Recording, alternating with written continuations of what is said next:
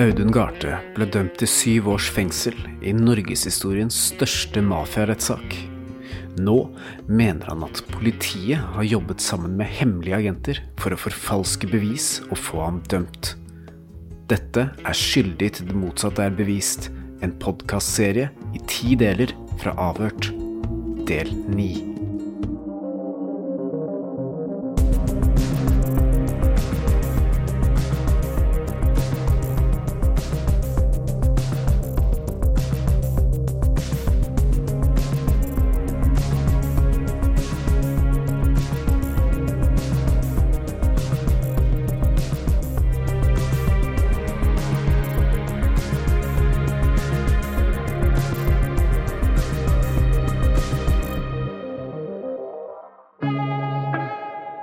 Det er ganske simpelt eh, skal jeg være helt ærlig, å hente 50 kilo hasj i Nederland. Ja, hvor enkelt er det egentlig å smugle 50 kilo hasj fra Nederland til Norge? I 2015 skulle Audun Garthe og Tore Karlsen hjelpe Alf Henrik Christensen med å komme seg ut av en knipe. Christensen hadde nettopp sonet ferdig dommen sin etter at han fungerte som fluktbilsjåfør for Nokas-ranerne, og han var i stor gjeld til staten. Metkel Betev, også dømt for Nokas-ranet, ga ham et lån. Men Alf Henrik hadde jo ikke råd til å betale tilbake dette lånet, så han gikk med på en deal. Han skulle hjelpe Metkel Betev med å smugle 50 kilo hasj fra Nederland med seilbåt. Alf Henrik angret seg og søkte hjelp hos en bekjent i Arendalsområdet som vi har valgt å kalle Ronny. I 2015, i mai-juni, så blir jeg da oppsøkt av en, la oss si, en eh, semikriminell Ronny hentet inn Audun Garthe, som var et kjent fjes i det kriminelle miljøet i Arendal. Men det litt spesielle med Audun er at han har brukt de siste årene på å bryte med sin egen kriminelle bakgrunn, og han ønsker å hjelpe andre som sliter med det samme. Og møter han i 2015, og da på en måte er hjulet i gang. Og da setter vi i gang på en måte et skuespill. For Audun å, legger en eh, plan om at de skal lure Betev til å tro at de skal smugle narkotikaen, uten at de egentlig har tenkt å gjennomføre det. smuglerforsøk med seilbåt, og vi mislykkes. Det blir gjennomført to mislykkede smuglerforsøk med Alf Henrik sin seilbåt, og underveis velger denne Ronny å trekke seg ut av opplegget. Jeg var jo like mye med Audun velger så å hente inn sin gamle venn Tore Karlsen. Det var ikke i mine tanker at det ville bli slik i det hele og det store. En av de gangene man var faktisk uskyldig, da skal man dømmes. De dropper planene om å bruke seilbåt og leier en bobil. Tore Karlsen skal kjøre denne bobilen for å hente hasjen. Men ifølge dem selv skulle han få problemer med bilen underveis, slik at han måtte snu og reise hjem. Da måtte jo BT forstå at dette var en gjeng inkompetente skrotnisser som han ikke kunne bruke til denne jobben.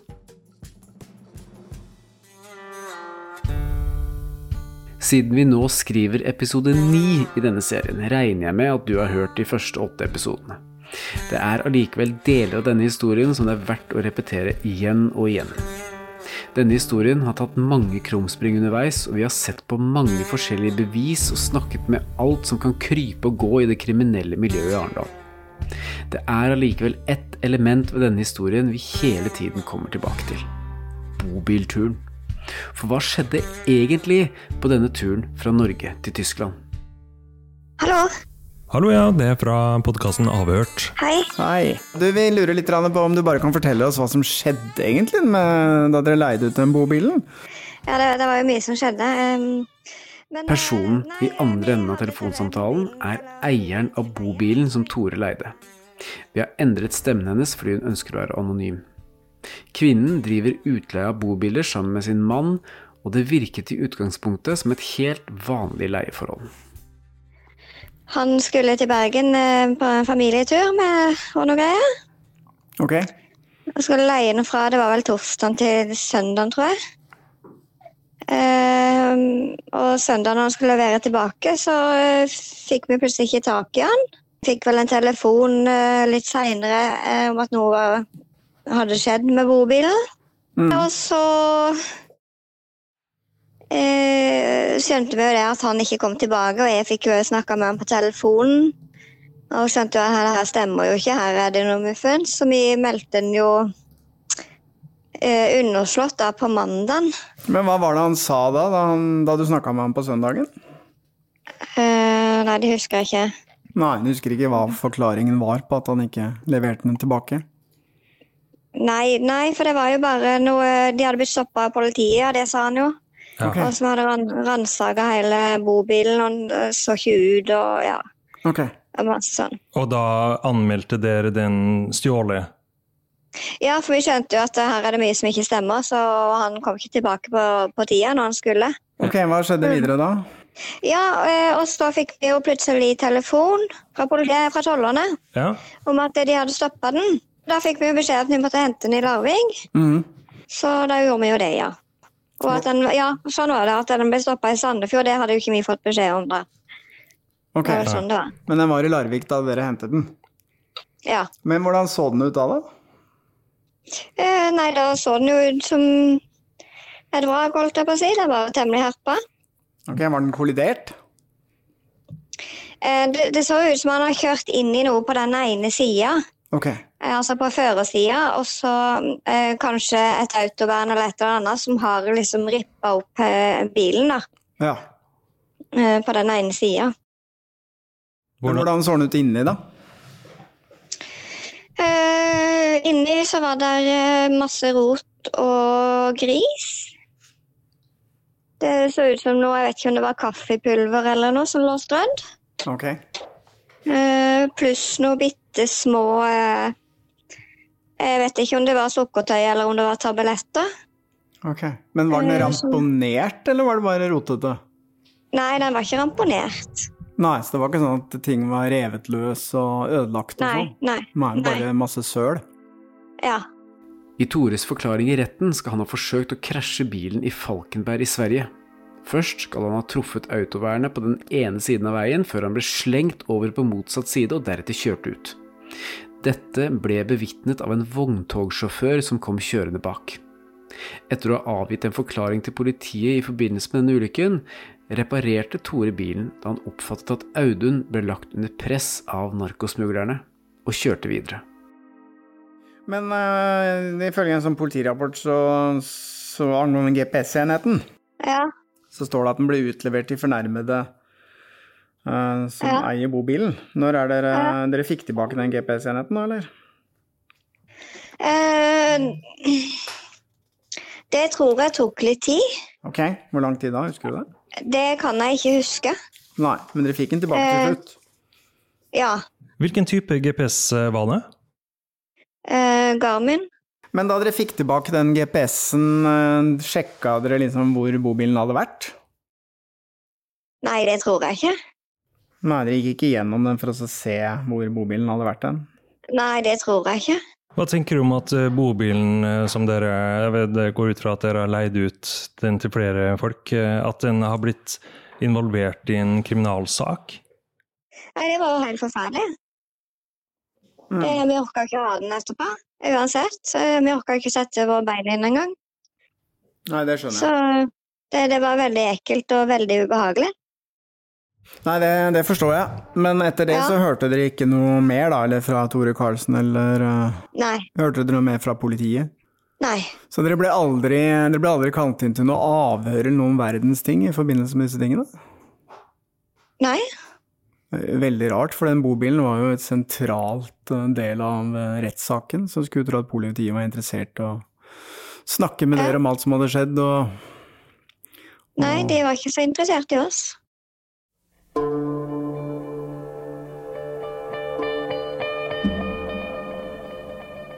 Det store spørsmålet i denne saken har jo hele tiden vært hvorvidt Tore faktisk kom seg helt ned til dette stedet i Tyskland som politiet hevder.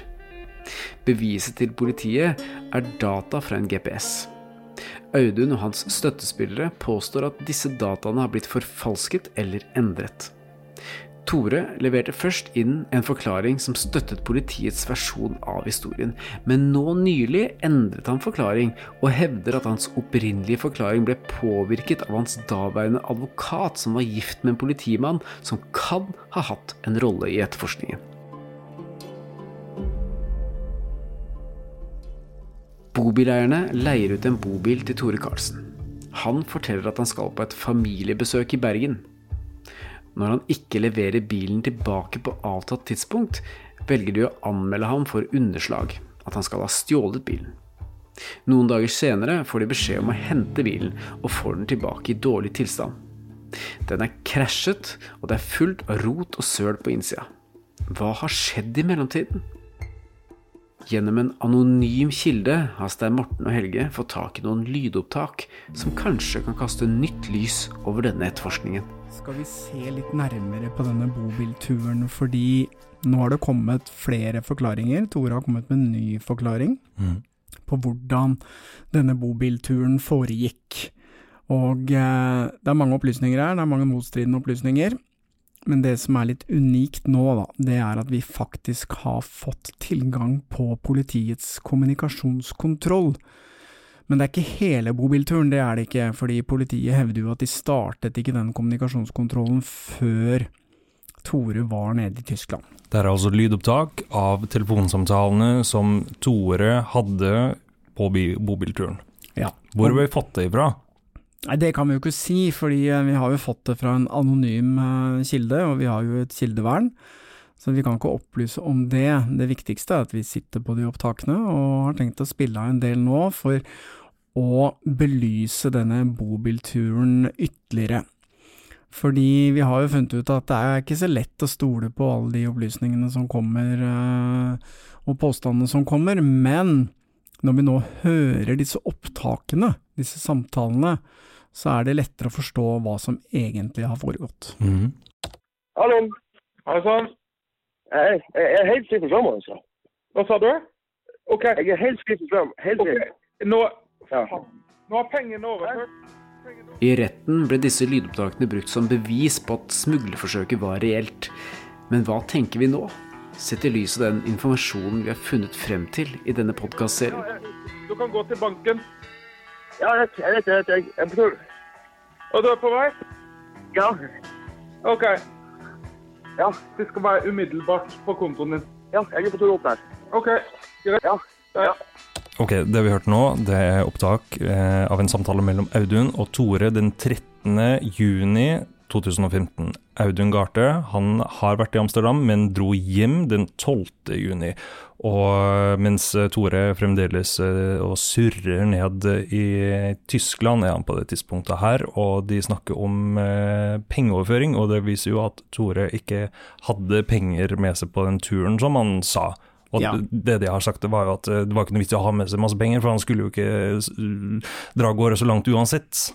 Nei, og det underbygger jo litt det Tore har sagt hele tiden, om at uh, han hadde jo knapt eh, penger til bensin, og det vi hører nå, at han står nede i Tyskland og er blakk og bensintom, og at Audun da har overført noe penger til han, sånn at han skal komme seg uh, videre. Mm, så her er jo Tore på vei til en eller annen bank eller minibank eller noe sånt. Ja, la oss høre videre. Hei, hei.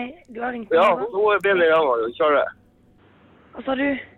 Nå er jeg på og kjører. Nå er jeg får bilen da, sammen. Personen Tore snakker med her, er hans daværende kjæreste Michelle. Michelle skulle møte Tore i Danmark for å gi ham penger. Ifølge deres egen forklaring var det best å møte ham og gi ham penger kontant fremfor en bankoverføring, til tross for at Tore hadde med seg et bankkort på turen. Tolk det som du vil. Jeg kommer opp på autobanen og ligger i helvete snart hjemme. Ok, åssen er turen da, holdt jeg på å si? Nå skal være framme i morgen klokka 13.21. Ja, ok. ok. Jeg vet ikke om han regner med båten da, eller hvordan han gjør det. Sikkert ikke, men, eh, men eh, la oss si på ettermiddagen en gang. Jeg har uansett ikke nok penger til båten, så jeg må bare stoppe en eller annen og så bare Må jo komme inn i morgen, de. Nei, jeg kommer ikke inn på mandag. Hva faen, det er søndag i morgen. Åh. Ja. Men nei, nei, ikke tenk på det. Det går an å gjøre det på en annen måte, at noen kommer over med båten. Eventuelt at du tar bussen til Kristiansand og kommer over med båten fra Dan til Danmark. Så møtes vi på andre sida der.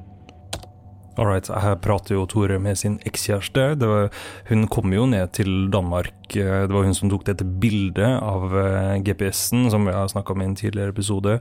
Det er litt sånn snodig løsning på å få penger istedenfor å overføre penger via bank eller Western Union eller hva som helst. Så eh, foreslår Tore at eh, hans kjæreste skal ta båten fra Kristiansand over til Danmark og møte ham der, og nærmest gi ham penger i, i hånda. Det- Det jeg hører her er jo at det er lørdag eh, 13. juni.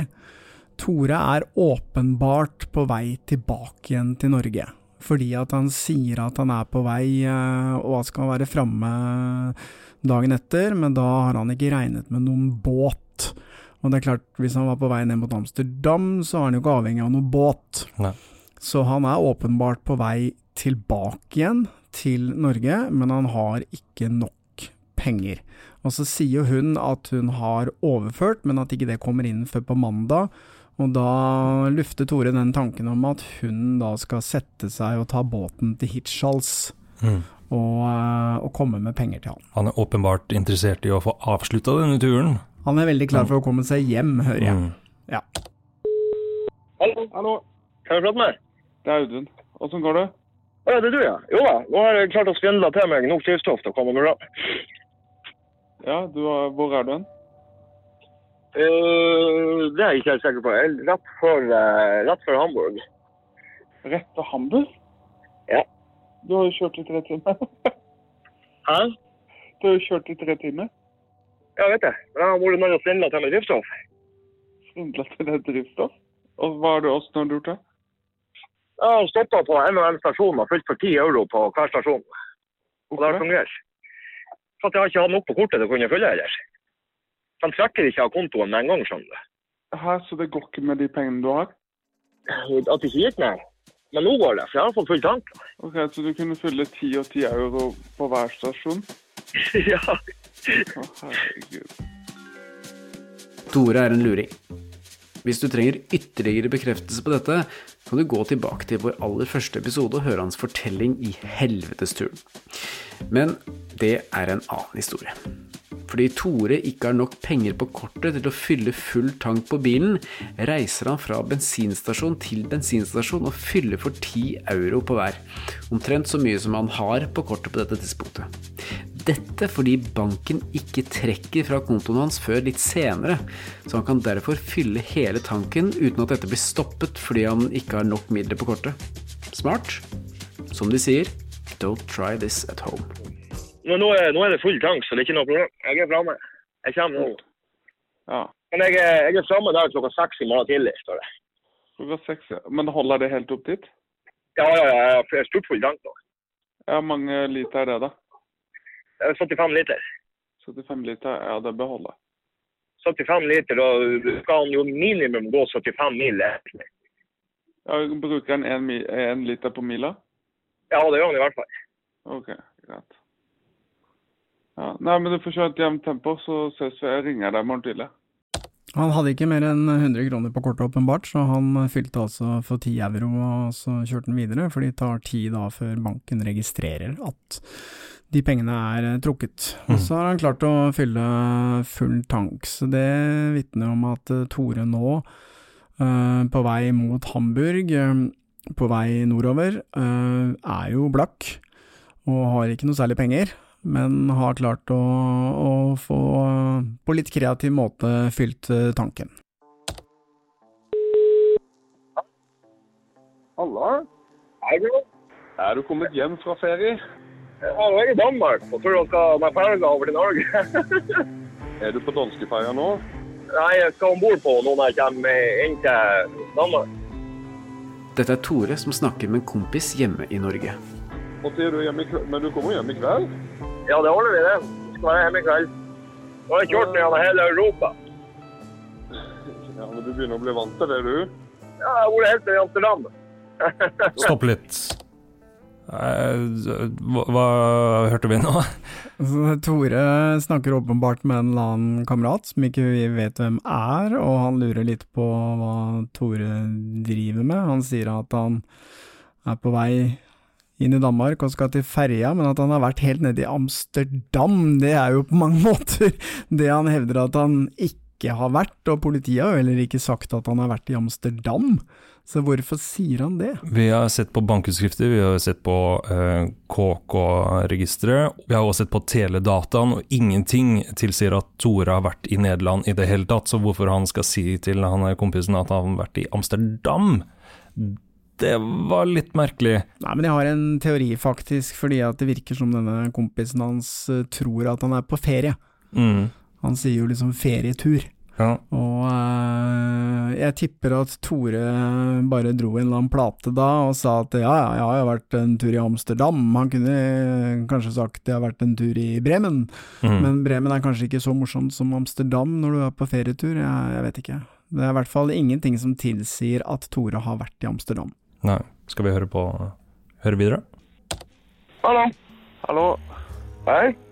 Hei, har du kommet fram? Nei, jeg kommer ikke fram. Hæ? Jeg kommer ikke fram. Hæ? Nei, jeg er ikke kommet engang. Er du ikke framme ennå? Nei, bilen står. Hva har skjedd? Det er dumt lysråd igjen. Å, herregud. Det er bare helvetes fuck hele greia. Ja, men GPS-en villeder meg inn i alle veier. Skulle ring her, faen steike, tre timer på den fettskiten. Og her kommer vi til et viktig punkt. For her snakker Tore om GPS-en som han mener sender ham på ville veier. Dataene fra GPS-en som ble fremlagt i retten, viste at GPS-en først var aktiv da han kom på dette stedet i Tyskland, som ble brukt som bevis på at han var nær den nederlandske grensa. Hvis Tore har brukt GPS-en hele veien, slik han har fortalt oss, og slik det kan fremstå i dette opptaket, da må vel dataene fra politiets etterforskning være feil? Det må riktignok nevnes at dette opptaket er fra da han er på vei hjem fra Tyskland, så det er mulig at han først har begynt å bruke GPS-en på hjemveien. Men det er jo litt rart. Det er for fullt fuck gjennom hele greia. Har den GPS-en vært riktig sånn som den skulle vært, så har den for faen vært framme for lenge siden, både her og der. Ok, det vi hører her nå, det er jo at uh, Tore nok en gang har gått uh, tom for uh, drivstoff. At han står et eller annet sted. De 75 literne som han fikk fylt, som han trodde var mer enn nok til å komme seg helt opp til Hirtshals, det har åpenbart ikke vært nok. Og det er fordi at han har kjørt på denne GPS-en som vi har snakket veldig mye om. Og den GPS-en har åpenbart eh, tatt han ut på en, eh, en sightseeing. Det er litt sånn rart at ikke GPS-en velger eh, raskeste veien. Ja, men vi har også sett et bilde som er lagt frem i retten, om jeg ikke tar helt feil, av en ganske eh, grei reiserute fra eh, Tyskland opp til Strømstad. Og da ser man jo ikke denne rundturen som han åpenbart har vært på, da, hvis han har brukt opp 75 liter eh, diesel. Mm, det er veldig merkelig. Det er mange timer kjøring. Ja, fordi at, eh, som du påpeker her, altså politiets beviser eh, viser at eh, GPS-en går nesten en rett linje fra Hesel i Tyskland og oppover gjennom Danmark, men her hører vi jo at Tora har kjørt uh, i ring omtrent, mm. og rundt omkring, fordi du skulle jo tro at det 75 liter, uh, jeg vet ikke om det er nok, jeg vet ikke om den bruker på mila, den bruker nok sikkert mer enn en liter. En liter kan man gå ut på. Ja, uansett så er det et eller annet som ikke stemmer her med det vi hører på det opptaket. Ok, så hvor, hvor er du nå? Jeg står på en øh, Hva heter? Øh, jeg må sette på tegning. Har du kjørt forbi Aalborg? Jeg står til Hva var det sa her inne? Ca. 30 mil fra ferga. Er du 30 mil? Ja, jeg står 30 mil fra ferga. Ja, du er inne i Danmark? Ja, selvfølgelig er jeg inne i Danmark. Det var lenge siden jeg kom inn i Danmark. Ja, siden det er 30 mil. Ja, det- Eh, Står du på bensinstasjon? Ja, jeg står rett attmed bensinstasjonen. Det går ikke an å følge, det må forhåndsbetales her også. Jeg står på en plass som heter så mye som eh, Kolding. Vent litt nå. Kan ikke, vi, kan ikke du, Lars, eh, sjekke hvor mange mil det er fra Bremen til Kolding? Raskeste vei. Ja visst, det er 349 km. 35 mil, og han hadde altså 75 liter bensin. Bruker bobilen mer enn to liter per eh, mil? Tja, en moderne personbil ligger på rundt 5 og 6 liter per 100 km, mens en bobil vil ligge på rundt det dobbelte. 10-12 liter per 100 km. Nå står moderne Men Den er jo ny, men, eh, men det høres veldig rart ut at den uh, bobilen som Tore hadde, brukte over to liter uh, per mil. Så det underbygger jo på mange måter litt det han sier, at han har jo ikke kjørt uh, straka vegen. Nei. Han har rota litt. Og det stemmer overhodet ikke med det politiet la fram fra den GPS-en i retten. Nei. Skal vi høre litt mer? Tore står altså nå i Kolding. OK, Kolding. Eh, Fra Hirtshals, altså det går et tog til Kolding. Jeg, jeg får ikke tak i henne. Jeg har prøvd nå i snart en time å få tak i henne. Det er ekskjæresten Ja, han men prater hun er jo på båten, så du får ikke tak i henne. Ja, her snakker de om at ekskjæresten må komme med tog ned til Kolding, for at han kommer jo ingen vei, han er tom for bensin. Ja, og Tore får ikke tak i henne, for hun er åpenbart fortsatt om bord i båten, og der vet jo alle at det er litt eh, Kan være litt dårlig mobildekning. Ta, da bare båten tilbake igjen. Jeg orker ikke mer. Jeg klarer ikke mer. Det? Ta med båten tilbake igjen. Jeg klarer ikke mer. Nei! Nei, nå slutter du! Nå har jeg fått beskjed hvor togstasjonen er. Jeg har fått hjelp av henne i baren. Forklart meg hvor det er. Jeg må bare vite hvor jeg skal ta toget. Et par timer senere har ekskjæresten Michelle kommet seg av båten, og vi hører nå en samtale mellom de to. Tore er tydelig opprørt. Kolding. Nå er jeg jo faen, nå er jeg jo her. Jeg er jo for faen ikke reist sammen. Men hvor langt er det Hvor langt er det med reisevennen? Det er en time. Det er 30 mil. OK. Du, Du skjønner at jeg er forbanna nå? Jeg håper du skjønner det. Jeg elsker deg, kommer og henter deg, alt ordner seg. Men jeg er jævlig sliten, og han har faen ikke sendt meg melding. Ingenting. han du på på natta fra høyresjakken nå. Ja, men jeg må vite hvor jeg skal ta toget hen. Ja, Jeg sier jo hvor du skal hen. Kolding. Kolding? Kolding. Ja. Jeg er stressa, jeg har ikke spist, eh, ikke sant? Men, ja, men, ja. ta, ta båten tilbake. Det gjør ikke noe. Nei! Nei! Skjerp deg. Skjerp deg. Og det her skal vi klare sammen. Alt ordner seg. Si, si det en gang til. Navnet. Kol Kolding. Kolding. Ja, Kolding. Kolding. OK. Nei, Kolding. K-o-l-d-i-n-g. Ja, Det er jo ikke noe tvil om at uh, Tore befinner seg i Kolding. De har litt problemer med å forstå hverandre her, men eh, ekskjæresten skal nå altså ta toget ned til Kolding. Og det som er liksom påfallende her, er jo at Tore høres jo helt fortvila ut. Ja, åpenbart så har Tore på dette tidspunktet gått på en ordentlig knekk. Det at han har gått tom for drivstoff igjen og står i Kolding, han bryter jo litt sammen her.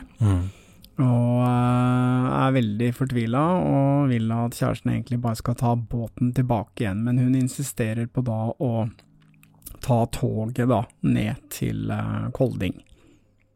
Du var jo først i listen, og så vi trodde jo alt var greit. Hvorfor er jeg ikke noe fra Audun, liksom? For at jeg har prøvd å, både han og jeg har prøvd å ringe deg flere ganger. Ja, men jeg har jo ikke hatt dekning. Det er ikke min feil. Nei, alt av ombygging på veier, styr og GPS og villede og styre. Det, Ja, men OK. Så det er bare å finne får toget dit, og så er du der. ja, jeg står jo utenfor der. For at jeg er faen ikke kjent rundt der. Og hvis ikke du er langt, Nei, det, det er jo ikke jeg. Det er ikke jeg heller. Jeg står rett utenfor Rema 1000 på Kolding. Det, det, så vidt vi vet, så har det ikke skjedd noe, en sånn stor hendelse som skal tilsi at Tore skulle være så fortvila som vi hører her nå. Men han har jo også sagt til oss at han var eh, stort sett rusa hele den turen. Og det dette kan høres ut som, er en person med litt sånn abstinenser. At det kan være en sånn slags type reaksjon, da. Ja, vi vet jo ikke det. Vi hører jo bare at han er eh, veldig fortvila, åpenbart eh, har en skikkelig knekk nå, og vet ikke hva han skal gjøre. Vi vet jo at han har vært på veien noen dager, det er ikke sikkert han har sovet så mye. Eh, at han er sliten, og at han hadde håpet å komme seg til Hitchhals på de 75 literne, men at han har kjørt så eh, mye feil at han ikke har kommet seg lenger da til Kolding, og at det er fortsatt en drøye 30 mil igjen til Hirtshals, men det sier jo ganske mye om hans sinnstilstand at han sier til kjæresten sin at det, det er bare én time unna. Mm. 30 mil. Altså, togene der kjører ikke 300 km i timen, altså. Ja. Så han er jo åpenbart ganske forvirra. Nå, nå, nå er jeg litt, litt, litt sånn med deg, men jeg er ikke slemme. Det kunne gått sånn. Jeg kunne er- Du har ikke dekning. Du har dårlig dekning. Du har dårlig dekning. Ja. Ja, jeg gjør det. Ja, jeg ringer da. Etter den samtalen eh, mellom de to her nå, så ring ekskjæresten til Audun og, og fortell eh, litt om sinnstilstanden til, eh, til Tore. Så nå tror jeg det kommer en, en telefon fra Audun til Tore. Hei, Tore. Nå må du komse. Ikke ta andre telefoner nå, OK? Nei, det var hun jeg snakka med. Det var hun du snakka med. Er hun kommet fram? Nei, hun er ikke kommet ut av ferga ennå. Nei, jeg har sendt henne rute hva, hva hun skal gjøre. Ja, hun har allerede ordna så hun kan komme på toget, så hun vet hvor hun skal gå. eller samme sånt. Men uh, hun får ikke meldingen vi sender. Ok, Så hun har ordna seg at hun kan komme nedover mot deg? Ja, ja, ja. OK. Ja, for det er jo ta, ta Hun kan vel ikke leie bil? Men eh, Ja. kan ta tog, tog som går. Det tar ca. tre timer. Tar det tre timer med tog? Ja, tre timer nå. Tre timer og 15 minutter. Oi, helvete, tar det så lang tid? Ja. Å, faen. Ja, ja. Og jeg vet ikke hvor langt du er ifra, ifra togstasjonen.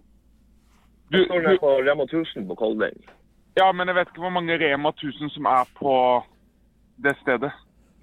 Det, det heter i hvert fall Ge- Gefion vei 14 her. Ja, men dette må du skrive ned og gi til henne, og hun må skrive ned i tilfelle mobilen hennes lader seg ut, eller, et, eller din mobil lader seg ut, eller noe skjer. Du må få henne til å skrive ned dette nøyaktig, sånn at Ja. når hun kommer til Kolding, så kan hun bare ta en taxi bort til der du er. ja. Det gjør jeg. Og du, de må sjekke Når var det ferja skulle gå? Øh, tilbake igjen. Ja, den, den greier det sikkert ikke, men den skulle sikkert gå sånn i 12-2-tida. Ja, noe sånt. Ja, her melder jo Audun seg på som en slags sånn reiseoperatør og skal gjøre sånn at disse to møtes, for det har de tydeligvis litt sånn problemer med å fikse på egen hånd. Ja, Audun sitter i Arendal, han. Han kommer hjem dagen før, og han sjekker togtider og hvor lang tid det tar, og, og hvordan de da skal eh, klare å komme seg hjem. Så det er på mange måter Auduns rolle her nå, da. Det som er påfallende, er at det er liksom veldig lite snakk om uh, denne uh, hasjsmuglinga vår som gikk i vasken. Det er jo ikke noe prat om det. Alt handler om hvordan Tore skal komme seg hjem.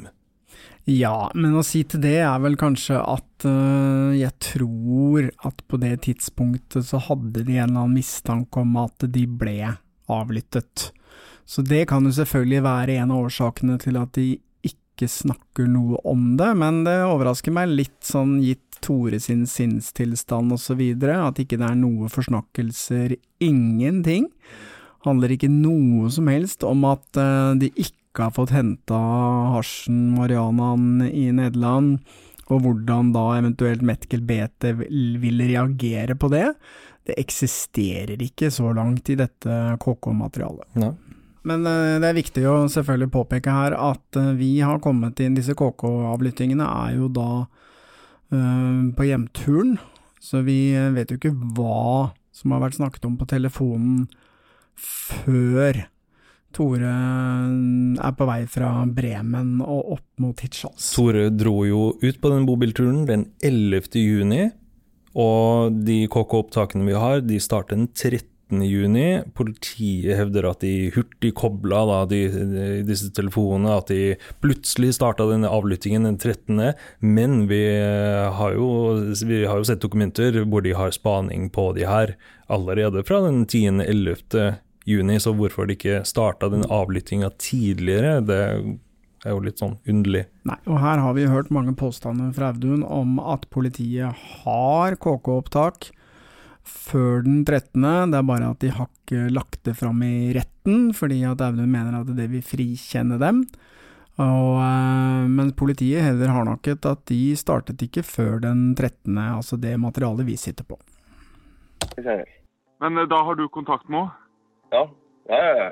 Det er ikke sånn at hun har panikk? Nei, jeg er langt. OK, greit. Nei, men da Da Da Ta Send meg melding hvis ting blir for kaotisk. OK? Ja. Det er ingen. Nei. Yes. Hei. Ok, og etter at uh, Tore har lagt på med Audun, så ringer vel han til uh, kjæresten sin igjen, gjør han ikke det? Nei, nå har jeg gratis når jeg kommer til Danmark. Så jeg har gratisminuttene mine i Norden i hvert fall. Ja, OK. Ja. Ja. Eh, du, Nå du har noe Jeg, jeg har fått melding fra Audun. Det tar Ja. tre timer ca. med toget, sier han på meldinga i hvert. Ja. Det, det går mye kjappere for meg å kjøre når vi kjører tilbake. Det går bare halvannen time å kjøre, så jeg skjønner ikke hvorfor toget skal bruke så lang tid. Ok, det, det er mange samtaler her mellom Tore og kjæresten på vei ned til Kolding, fordi at hun sliter litt med toget, og hun bestemmer seg for å ta en drosje, og så får hun ikke ut penger å betale den drosjen, og så er det mye dramatikk eh, rundt det, men til slutt så klarer da denne ekskjæresten å komme seg ned til Kolding og treffe Tore. Og det som er rart da, er at de drar ikke opp igjen og tar båten over, men det er vel kanskje fordi de fant ut at det går først båt dagen etterpå. Ja. Siste båten har allerede forlatt kai, så da tar de valget om å kjøre østover mot eh, København for å ta veien opp eh, gjennom Sverige. Vi skriver nå søndag 14. juni i kalenderen, og Tore og Michelle er nå på vei til København. Og da ringer bobileieren mannen til kvinnen vi snakket med tidligere i denne episoden, for å etterlyse bobilen som Tore hadde avtalt å levere tilbake samme dag. Ja, hei. Det var God dagen, du. Der har vi deg. Jeg har uh, prøvd å nå det nå i et par dager her. Har du det? Ja. Uh, jeg har vært i ei ulykke. Hva det, ja? Yes. Uh, noe skader sjøl. Det går ganske greit, for å si det sånn. Og jeg er hjemme i løpet av kvelden med både bil og musikk, så det er ikke noe sånn veldig alvorlig musikk. Det var rett og slett en hjort som hoppa ut i veibanen. Ok. Og tok meg og en lastebilsjåfør. Lastebilsjåføren han ligger ganske kritisk på sykehuset ennå. For han totalvraka jo vogntoget sitt og ut i veiløfta med han. Men eh, nå har jeg i hvert fall en omelett igjen. Ja, dette var jo en ganske annen forklaring på den ulykken oppe i Falkenberg-området i Sverige enn det vi har hørt fra Tore tidligere. Ja, for da sier jo Tore at han uh, kjørte bilen uh, ut av veien med vilje. Uh, han har for så vidt, vet vi sa til politiet den gangen, at han prøvde å styre unna et, et rådyr. Men dette med at det kom en trailer bak, det vet vi. Det kom en trailer bak som så alt sammen, men han var jo ikke involvert i noen ulykke, så hvorfor sier Tore til bobileieren at den traileren også kjørte av veien, og at sjåføren ligger kritisk skadd på sykehus. Det er veldig merkelig. Ja, er det for å oppnå noe slags sympati og få historien til å virke mer troverdig? Er jo, den bobilutleieren kan jo hente ut den skaderapporten i så fall, og da vil han jo se at det er ikke noe skade på noen trailersjåfør. Dessuten så tror jeg visst at en svær trailer på E6 i Syd-Sverige har uh, kjørt av veien og sjåføren ligger kritisk skadd, så tror jeg nesten det ville nådd et eller annet nyhetsmedium, tror du ikke det? Jo, men det har aldri skjedd. Nei, så, det så hvorfor lyver han om dette? Aner ikke. Ja, er det mye, eller er det uh, På bilen? Nei, heldigvis ikke. Hva er det? Bobilen er nesten ikke skadd, men vogntoget er totalvraka. Jeg klarte å holde den på veien, selv om den saksa seg rundt oss, den det her vogntoget. Oi, det er som henta ut fra en Hollywood-film. Se for deg bobilen med Tore, og så kommer vogntoget bak og sakser seg. Altså at de, de, de deler seg, de, de, to vognene som vogntoget kjører rundt på, rundt bobilen. Og lastebilen, traileren, blir totalhavarerer, mens bobilen står igjen der og er nesten like fin. Du hører på bobilutleieren at han er litt skeptisk Ja. til det han hører her. Og det politiet registrerte der og da, det var det at det, det var mer flaks enn det var lov egentlig å ha, både for bil og, og også fati. Ok. Fordi bilen går sånn som den skal og fungerer alt sammen sånt, det, Det er ingen problem. Det blir jo en liten forsikringssak. Det er litt på sida av bilen som blir skada. Vi vi skal dekke hele den der, det er ikke noe problem her. Bare stressa som en, en tulling for å klare å komme av gårde sånn at vi skulle rekke å komme oppover. Så det, vi, vi er en del timer forsinka, for å si det sånn. Men jeg tenkte på det fordi at uh, vi er nede i Grimstad i dag. Så du kan liksom bare levere den her nede i Grimstad. Det hadde vært veldig greit. Det hadde det ikke. Ok, det jeg tror kanskje har skjedd her, det er at uh, Tore trenger en uh, forklaring på hvorfor han er så veldig forsinket tilbake med å levere bobilen. Og han vil jo helst ikke fortelle at han ikke har penger til drivstoff og har stått uh, bom fast flere ganger og var nødt til å få ekskjæresten sin til å komme nedover. Mm. Så han drar på litt Ja. med den ulykken. Ja. Han gjør den mye større for at det skal være troverdig at han blir så forsinket tilbake igjen og får levert bobilen. Mm. Hallo? Hei sann, Torleif. Ja, Du, du, du fikk melding du fikk meldinga mi. ja, hva faen, eh, hva skjer for noe? Du, vi ble grisa, for å si det sånn, mildt sagt. De kom i en haug med politibiler oppover. Da Tore og Michelle kommer til København, blir bobilen stoppet av politiet, hvorpå politiet ransaker hele bilen, og Tore ringer umiddelbart til Audun. I rett utafor uh, Hva det heter igjen her? I Danmark. Og? Eh, Rett, rett utenfor storbyen. De fikk da beskjed fra Arendal politikammer om å griseransake bilen, for der skulle det være ting og tang. Hæ? Yes, De river til og med ut campingdassen fra veggen. De skjærer sund det som er av skjæret sund. Altså, bilen ser faen ikke ut innvendig nå. De brukte tre og en halv time holdt dem opp i veikanten og kan få fryse i hjel. Og så finner de faen ikke noe heller. Vi får faen ikke så mye som en jordskylling fra dem. De klikker jo for meg. På å drepe den ene politijævelen I politirapporten står det at den danske politipatruljen valgte å stoppe bilen pga. vinglete kjøring. Men det er svært spesielt at de så velger å ransake hele bilen på den måten som Tore har beskrevet. Og vi har hørt at norsk politi på dette tidspunktet har varslet danskene om at denne bilen kan inneholde store mengder narkotika. Noe de ikke finner.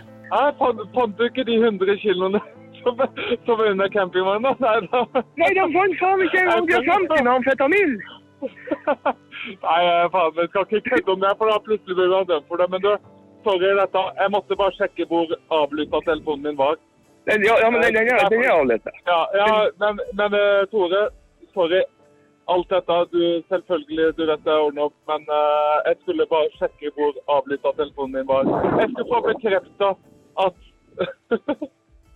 Ja. Det fremstår litt eh, rart dette her, fordi at åpenbart så vet de at telefonen blir avlytta, det har vi snakka litt om i stad. Det er kanskje derfor ikke de snakker om uh, noe narkotika. Men ok, politiet har hatt spaning på disse gutta eh, lenge. De hadde til og med spaning i Nederland, Mm. på Audun og gjengen til Metkel BTV. De har kommunikasjonskontroll, og dette er da Oslo-politiet. Har liksom full kontroll. Og da må jo de vite at Tore ikke har med seg noe hasj tilbake, for de har jo vet at han aldri har vært i Nederland i Amsterdam. Det sier de i hvert fall i retten. Mm. Og så er det politiet i Grimstad som ber dansk politi om å gjennomføre en razzia og en ransaking for å finne narkotika i den bobilen. Altså Her er det åpenbart noen som ikke snakker sammen. Jeg tror Det er veldig rart. Politiet Ja, det fremstår som om at Audun og Tore og ekskjæresten surrer veldig, men jeg tror på det tidspunktet her at politiet òg surrer litt. Rann. Og det ser vi jo når det ender opp med et resultat der politiet selv eh, smugler denne hasjen inn til Norge. Men det får være grenser til rot. Du har altså Oslo politidistrikt med alle sine ressurser i en kjempesak, som har personspaning på disse folka, som har kommunikasjonskontroll, og de sier selv at Tore aldri har vært i Amsterdam, han har bare tråkket over minsteforsøket, de visste at han ikke hadde med seg noe fra Amsterdam, Audun har reist hjem, og så er det plutselig en melding om å ransake den bobilen og nærmest rive den fra hverandre. Ja. Ja, Nei, det- pol det politiet jo- kan jo ikke ha hatt full kontroll på de hele veien her, så de har jo da måttet tenke at ok, da, da kan det være en viss sjanse da, for at eh, Karlsen har fått denne narkotikaen, og at den ligger i bobilen. Vi, vi veit ikke. Eh, Kan ikke dere i København bare stoppe de og sjekke? Likevel så, så framstår det litt merkelig. Men eh, ok, la oss høre videre. Dette er sorry. Sorry, alt har men, kan, kan, kan, eh, har du nummeret til Arendal politistasjon her? Eh, bare ring eh, 370 og dusk, så kommer du fram. Men jeg ringe ned, så, snakka med Asbjørn, og så spurte han om han, eh, om han kan kjøre tjukt hjem nå uten at man slipper å sette på en ølkasse. ja, de må, jeg håper de tar en practical joke. Faen, at jeg ikke ut var der. så, men kødder du? Kom- Nei, det- De, Ja, de gjorde det. Ja, men hvorfor faen gjorde de det i Danmark? da? For Hvis de trodde at du hadde noe, så hadde de jo bare stoppa deg i Norge. Så hadde du fått ti, ti ganger mer. Hvis du Ja, hadde men- hatt med deg noe. Da, da hadde de jo fått klart å ta meg. Det hadde jo ikke vært bra, vet du. Det hadde jo bedre at han tok meg her nede før han hadde fått fylt bilen. Men eh, hva, hva var det de sa for noe? Nei, de oppførte seg som noe peisleste. De holdt på faktisk alt til klokka var tre i natt. Ja, Jeg trodde det var fordi du hadde vært i Kristiania eller et eller annet sånt. Nei da, de, de skulle rett og slett sjekke bilen. De mente da at jeg hadde med meg ganske mye. Og de, okay. de, de, de, var fra, de var fra to forskjellige politidirektorater her nede i tillegg. Og du skjønner, De styrte og de holdt på sånn til et helsike liv, og da de ikke finner noe, så ble jo han ene karen forbanna. De hadde til og med hund inni bilen der. Tore fikk jo nesten forsida på Dagbladet da han forklarte seg om denne hendelsen i tingretten.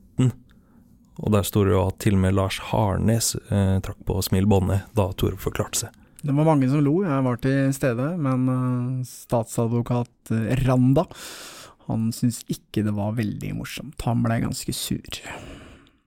Ja, da, bare, bare si det. Du skulle bare sjekke hvor avlytta det var, for du var litt forbanna over å bli forfulgt overalt. Ja. Og det er Så bare ta ring ned til Arendal. Eh, Jeg skal søke på internett nå. Sender det Ja. Du ikke gjøre det? Ja. Ja. Nei. Hei. Ok, Uh, ringe til Arendal, hva er det de snakker om der, Helge? De skal bare ringe og kjefte de opp og si eh, hvorfor har vi blitt eh, stoppa? Har dere gitt ordre om at vi skal ransakes i Danmark? Hva er det som skjer?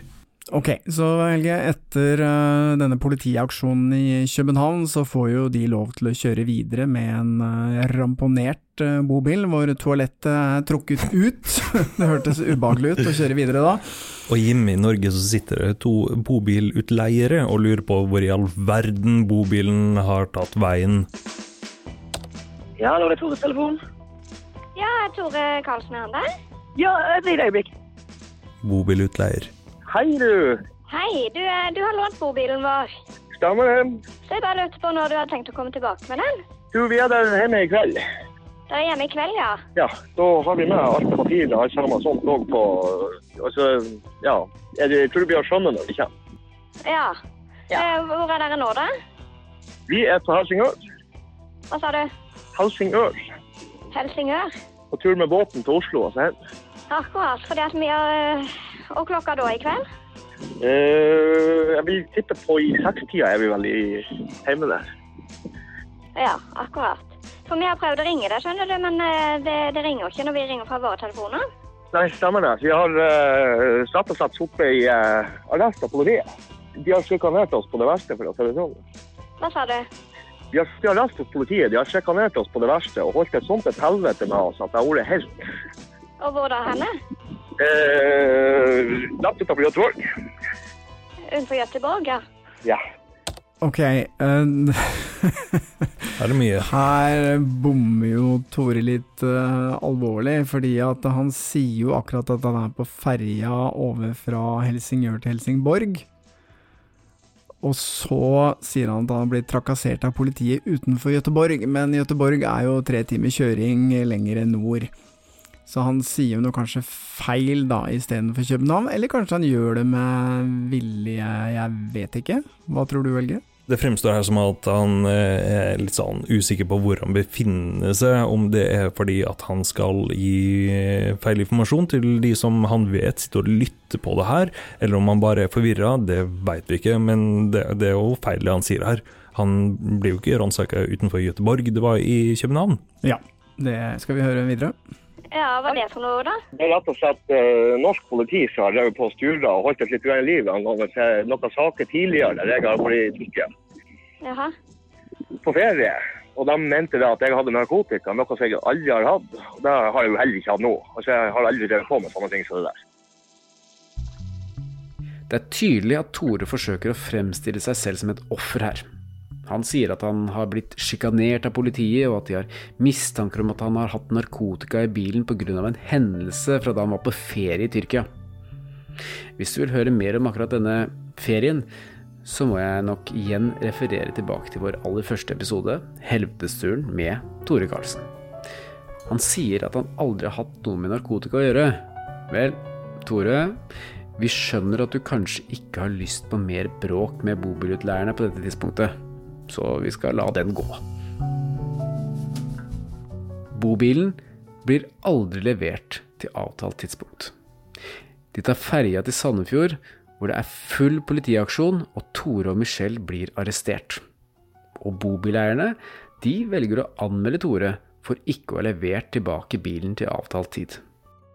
Men la oss oppsummere denne turen litt her, fordi at politiet mener jo at Tore la ut på en bobiltur for at han skulle til Amsterdam og hente 50 kilo hasj og marihuana og bringe det tilbake til Norge. Vi vet ikke hva som har skjedd 11. og 12., for da har vi ikke noen KK-opptak, men vi hører i hvert fall fra den 13 at dette er jo et veldig rart forsøk på å hente narkotika. Han har ikke penger til bensin, han står fast i Bremen, han står fast i Kolding. Han vet ikke hvor han skal, han vet ikke hvor han er. Eh, GPS-en bare tuller med han, han har kjørt bort all drivstoff igjen, og han bryter jo nesten sammen på et tidspunkt der. Så eh, det, i hvert fall det første jeg kan konkludere med, det er at eh, hvis disse påstandene om at Tore er politiinformant på denne turen, så tror jeg vi trygt kan legge den ballen død nå. Mm. Det må i så fall være tidenes verste politiinformant, for dette er jo bare kaos. Mm.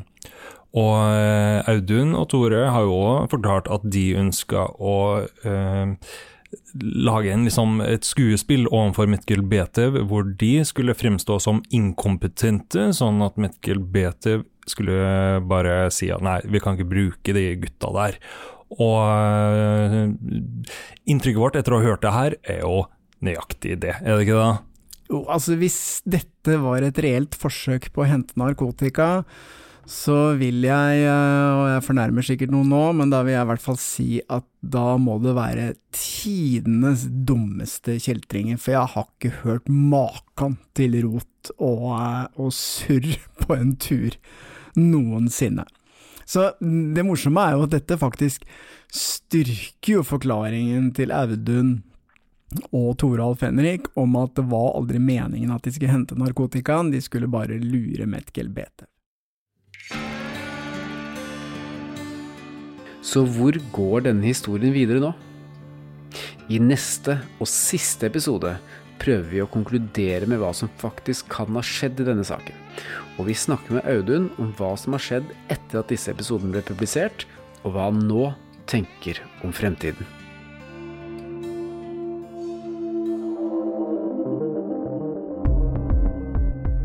Skyldig til det motsatte er bevist er en avhørt produksjon av Batong Media. Redaksjonen vår består av Stein Morten Lier, Helge Molvær og Lars Christian Nygårdstrand. Temamusikken vår er laget av Altered States, og du finner oss på Facebook som Batong Media. For å høre eksklusive episoder av Avhørt, gå inn på podmy.no, eller last ned appen Podme.